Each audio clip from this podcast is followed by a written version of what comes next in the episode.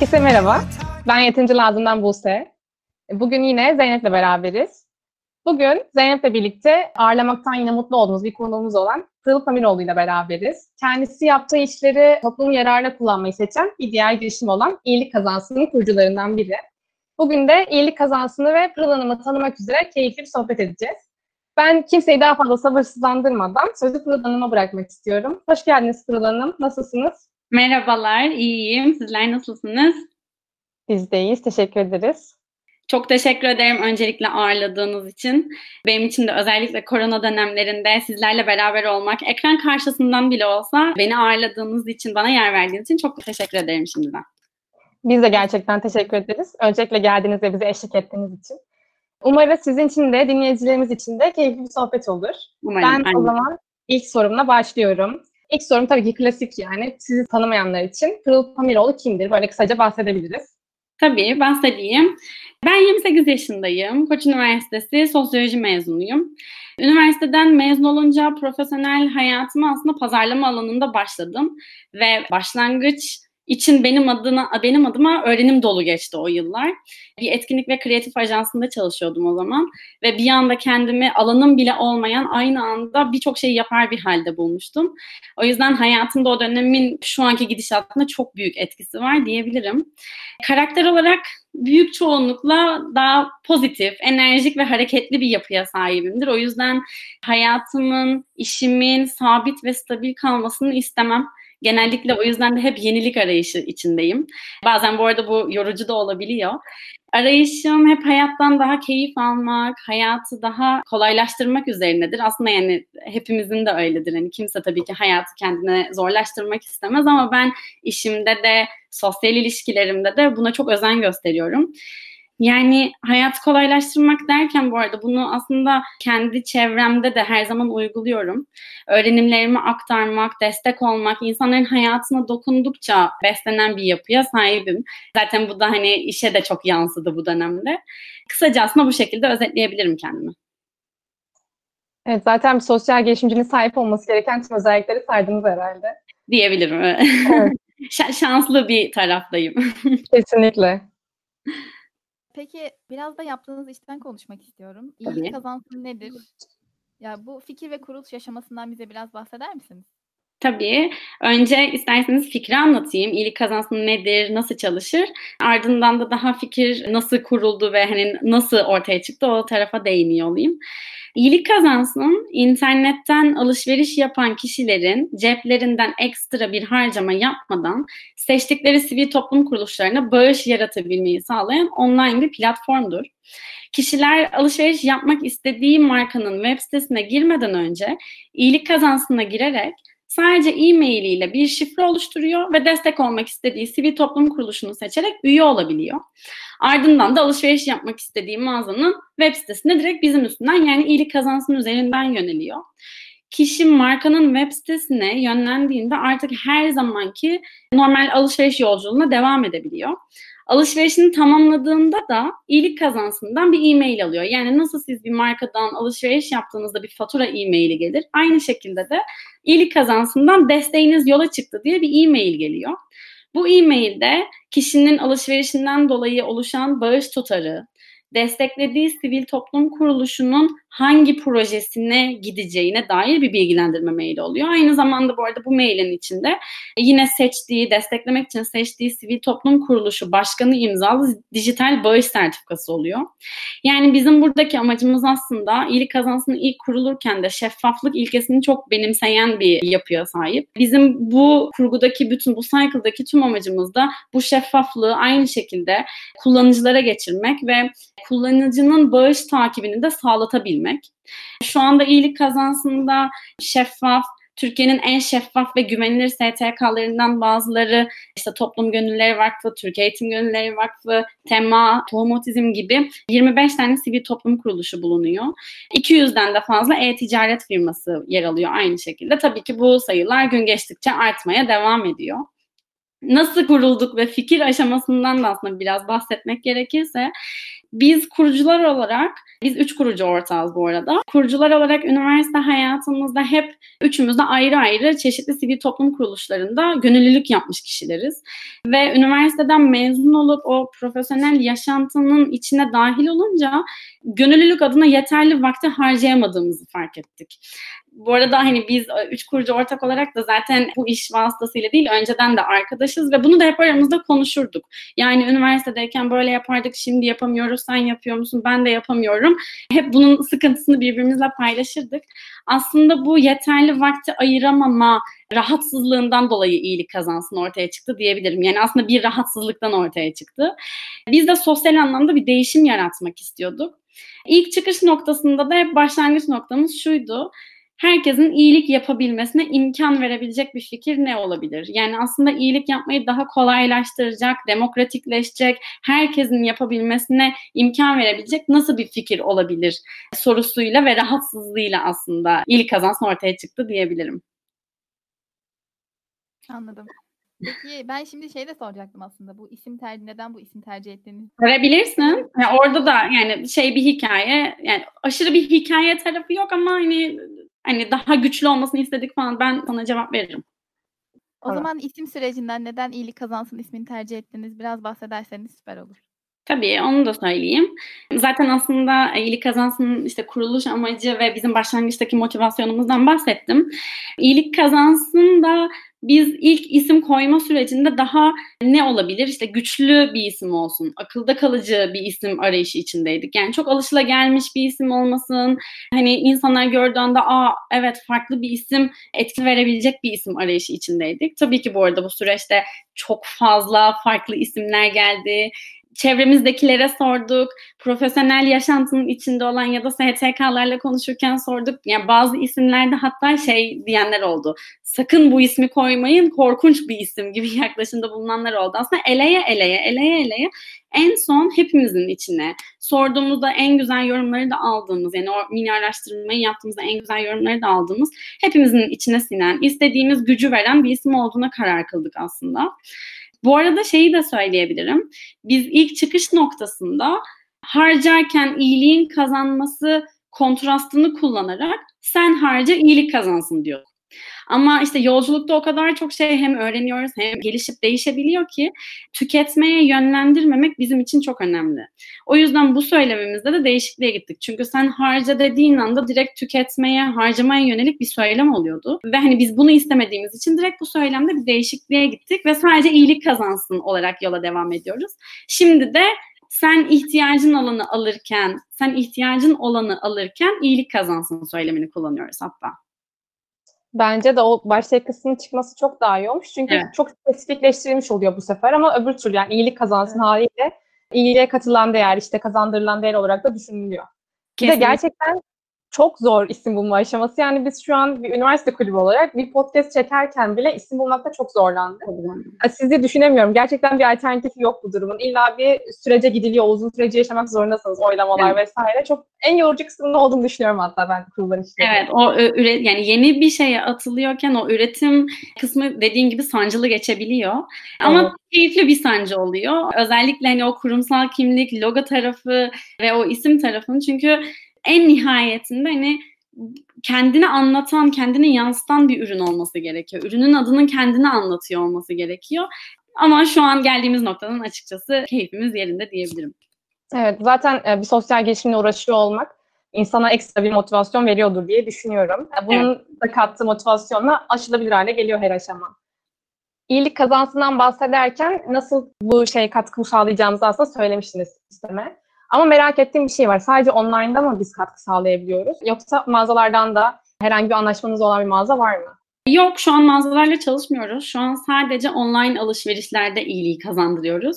İnternet üzerinde satışı olan markalarla anlaştık. Anlaşmaya da devam ediyoruz. Gün geçtikçe de artıyor. Aynı aslında işte sivil toplum kuruluşlarında nasıl her gün geçtiğinde orayı çoğaltmaya çalışıyoruz. Daha fazla fayda alanı katmaya çalışıyoruz. Marka tarafında da öyle. Herkese hitap edebilmek adına her kategoriden işte yemekten, ev, mobilya, bahçe, kadın, çocuk, erkek gibi gibi çeşitli kategorilerden markaları çeşitlendirmeye çalışıyoruz ki her giren kullanıcı içeride kendisine aslında kullandığı, kendisine hitap eden markayı kolayca bulabilsin, kullanabilsin ki alışverişinden bağışı yaratabiliyor olsun. Ya zaten online dönemi artık tamamen geçmiştir mecburen yani bunun dışında kalamıyor insanlar. Kesinlikle. O yüzden Bizim Eskişehir'e göre de çok daha ulaşılabilir vaziyette. Evet kesinlikle. Bizim aslında söylemlerimiz arasında özellikle bu korona dönemiyle beraber de artık internet alışverişleri hepimizin günlük bir rutini haline geldi. Yani en ufak şeyi bile internetten söylemeye başladık. Bununla beraber işte biz iyiliği, iyilik yapmayı da bağış yaratmayı da o günlük rutinin bir parçası haline getirmeye çalışıyoruz.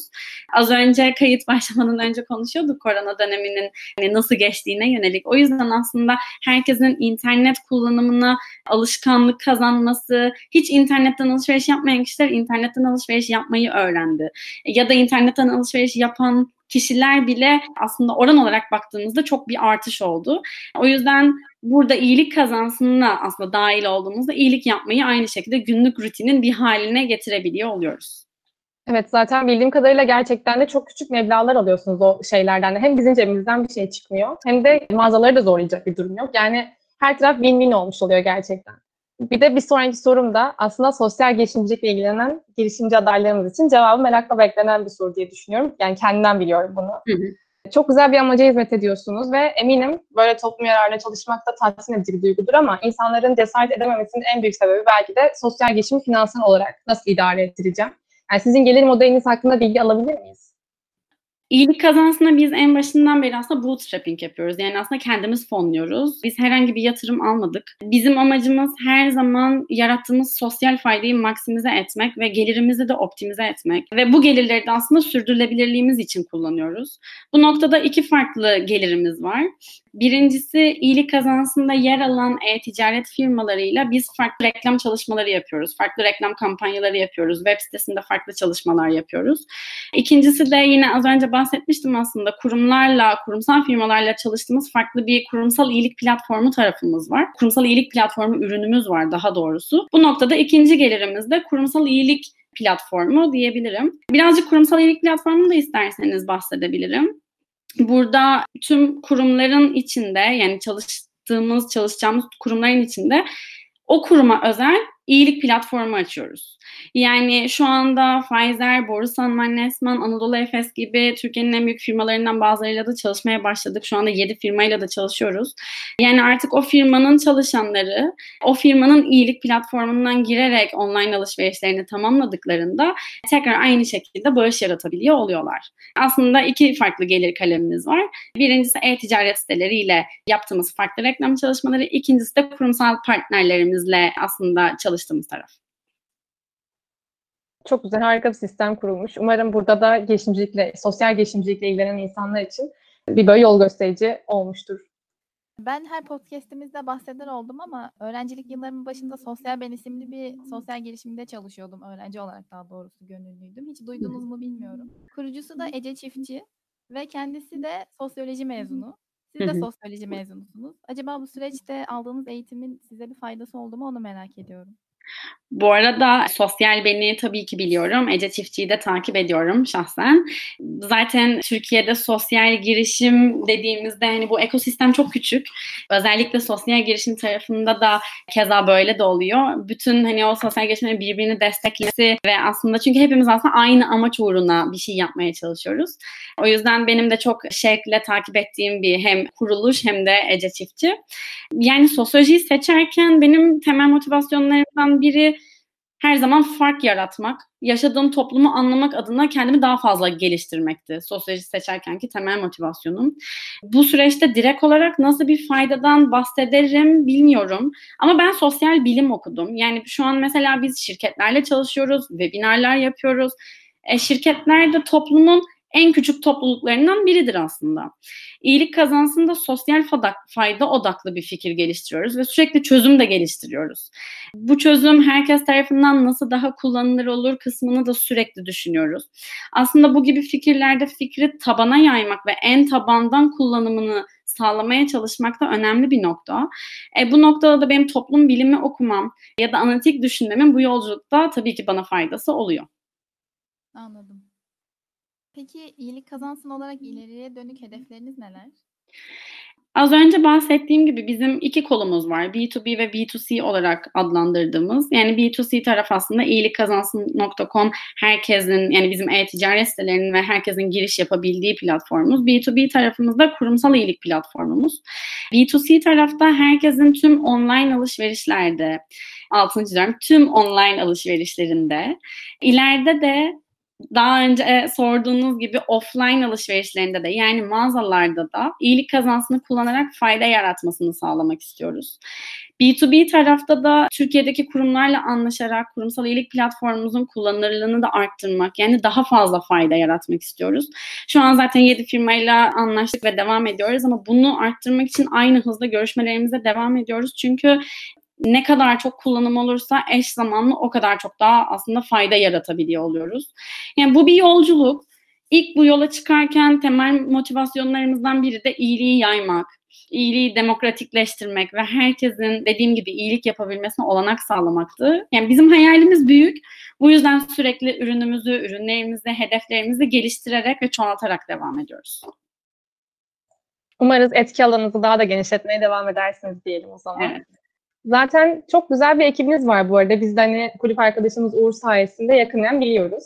Hı. Ama belirli dönemlerde başvuru açıp ekibinize yeni üyeler de katıyorsunuz. Evet. Bu ekip arkadaşı ve stajyer başvurularında nelere dikkat ediyorsunuz? Belirli bir başvuru döneminiz var mı? Bunları merak ediyordum aranızda katılmak isteyenler için. Özet geçebiliriz bence. Olur tabii ki. Yani bizim özel bir başvuru dönemimiz yok. Kapımız tüm herkese açık.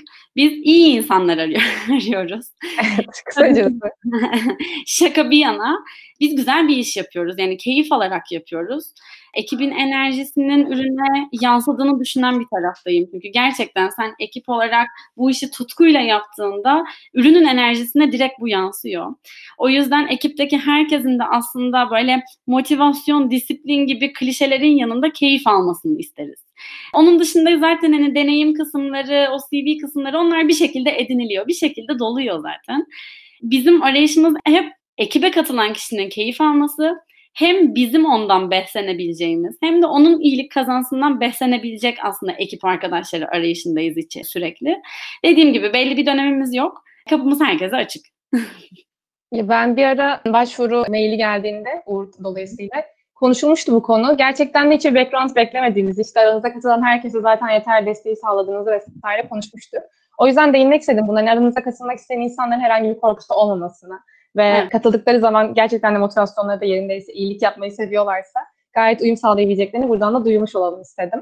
Teşekkür evet. ederim siz de değindiğiniz için. Rica ederim. Yani burada yine aslında tekrara giriyor olacağım ama amacımız belli. Gitmek istediğimiz yer belli ve gerçekleştirmek istediğimiz aslında şey ortada. O yüzden bizle beraber bu yolda yürüyecek kişilere her zaman tabii ki kapımız açık oluyor. Çünkü burada evet. amacımız iyiliği gerçekten yayabilmek, herkesin bunu yapabiliyor olmasına olanak sağlamak. Umarız öyle de olur. Gördüğüm kadarıyla bu arada pazarlama, üretim gibi çeşitli departmanlarda da profesyonel iş deneyimleriniz olmuş. Bu aşamadan sonra girişimciliğe adım atmaya nasıl karar verdiniz peki? Ben biraz üniversiteden başlayayım, başlayayım bu soruya. Hı hı. Ben bu arada sizler gibi üniversitede çok aktiftim. Koç Üniversitesi'ndeyken yine çok samimi arkadaşlarımla girişimcilik kulübünü kurduk ve girişimcilik kulübü gibi birçok farklı kulüpte de aktif ve öncü üyelerdendim. Ve üniversitede okurken de böyle güçlü ve güçsüz yanlarımın aslında her zaman farkındaydım. Çünkü yani çok aktiftim. Hem okul içinde, üniversite içinde kulüplerde hem de kalan zamanımda hep part time işlerde de mezun olduktan sonra hep aynı anda birçok farklı iş iş yapmaya çalıştım. Aslında o güçlü ve güçsüz yanlarımda her zaman üstüne gitmeyi tercih ettim. Ya girişimcilik bir çözüm bulmak ve yaratıcı çözüm bulmak önemli girişimcilikte. Çalışma hayatımın da bana en büyük katkılarından biri kriz anında problem çözme yetisi oldu diyebilirim. Dediğim gibi yani ben aslında girişimci bir kişiliğe sahibim ama bu dünyanın içindeyken de sosyal girişimcilikle tanıştım biraz içine girince sosyal girişimciliğin gerçekten bu anlayıştan büyülendim o zamanlarda. Ve bu şekilde de sosyal girişimciliğe adım atmak istedim. Çünkü artık yaptığımın, hayatta yaptıklarımın da bir etki yaratmasını, bir fayda sağlamasını, artık insanlara da dokunmasını istiyordum. Aslında sosyal girişimciliğe geçiş şeklim, geçiş hikayem de bu şekilde oldu. Yani kendi adıma konuşayım. Benim şu an bu konuşmadan sonra kasılasım geldi açıkçası. Umarım başkalarına da aynı etkiyi yaratmışızdır diye düşünüyorum. Süper. O zaman bekliyoruz seni aramıza Buse. Bakalım. Umarım. Söz vermeyeyim. Evet. Bu arada sohbetimizin sonuna geldik. Yani bizim başka sorumuz yok. Sizin katmak istedikleriniz varsa, tavsiyeleriniz olacaksa bunları duymayı çok isteriz. Ben üniversite öğrencilerinin aslında yani çok şey o sıkıcı taraftan söylemek istemiyorum ama hani üniversite hayatında aktif olmak çok önemli. Bu podcast yayınından önce ekip arkadaşlarımla konuşurken işte yine kayıttan önce konuşmuştuk. Ya üniversite döneminde koronayı geçirmek, ya biz üniversitede olsak şu an nasıl olurdu? O yüzden aslında en değerli yıllar gerçekten. Bana ben üniversitedeyken de abilerim, ablalarım o zaman söylerdi. Hiç şey yapmazdım. Yani bir kulağımdan girip bir kulağımdan çıkardı diyebilirim. Ki yani o kadar aktif olmama rağmen. Bence üniversitede, üniversite içinde ya da üniversite dışında aktif olup ne istediğini yavaş yavaş biliyor olmak, neyin üstüne gitmek istediğini biliyor olmak önemli. O yüzden en büyük tavsiyem de o en değerli yaşları ve yılları doğru veya yanlış ama değerlendirebiliyor olmak. Onun dışında da biz iyilik kazansın olarak tekrar ediyorum kapımız herkese açık. İyiliği bizimle beraber yaymak isteyen, iyiliği herkese tattırmak isteyen herkese açık. Aramıza da bekliyoruz. Evet. O zaman son kez bu haberi de verdiğinize göre burada sohbeti kapatıyorum. İyilik kazansın ve sizin hakkınızda öğrendiklerimiz gerçekten hepimiz için çok değerli ve çok keyif vericiydi. Umarız sizin gibi girişimler destek almaya devam eder ve etki alanını genişletebilir. Umarız iyiliği yaymaya devam edersiniz, iyiliğe kazandırmaya. Bize katılıp bizimle değer ürettiğiniz için gerçekten çok teşekkürler. Umarız sizler ve dinleyicilerimiz de bizim kadar keyif almışsınızdır. Evet, ben çok teşekkür ederim. Umarım keyif almışsınızdır. Tamamdır. O zaman herkese iyi günler diliyorum. Teşekkür ederiz bizi dinlediğiniz için. Teşekkürler. Tekrar.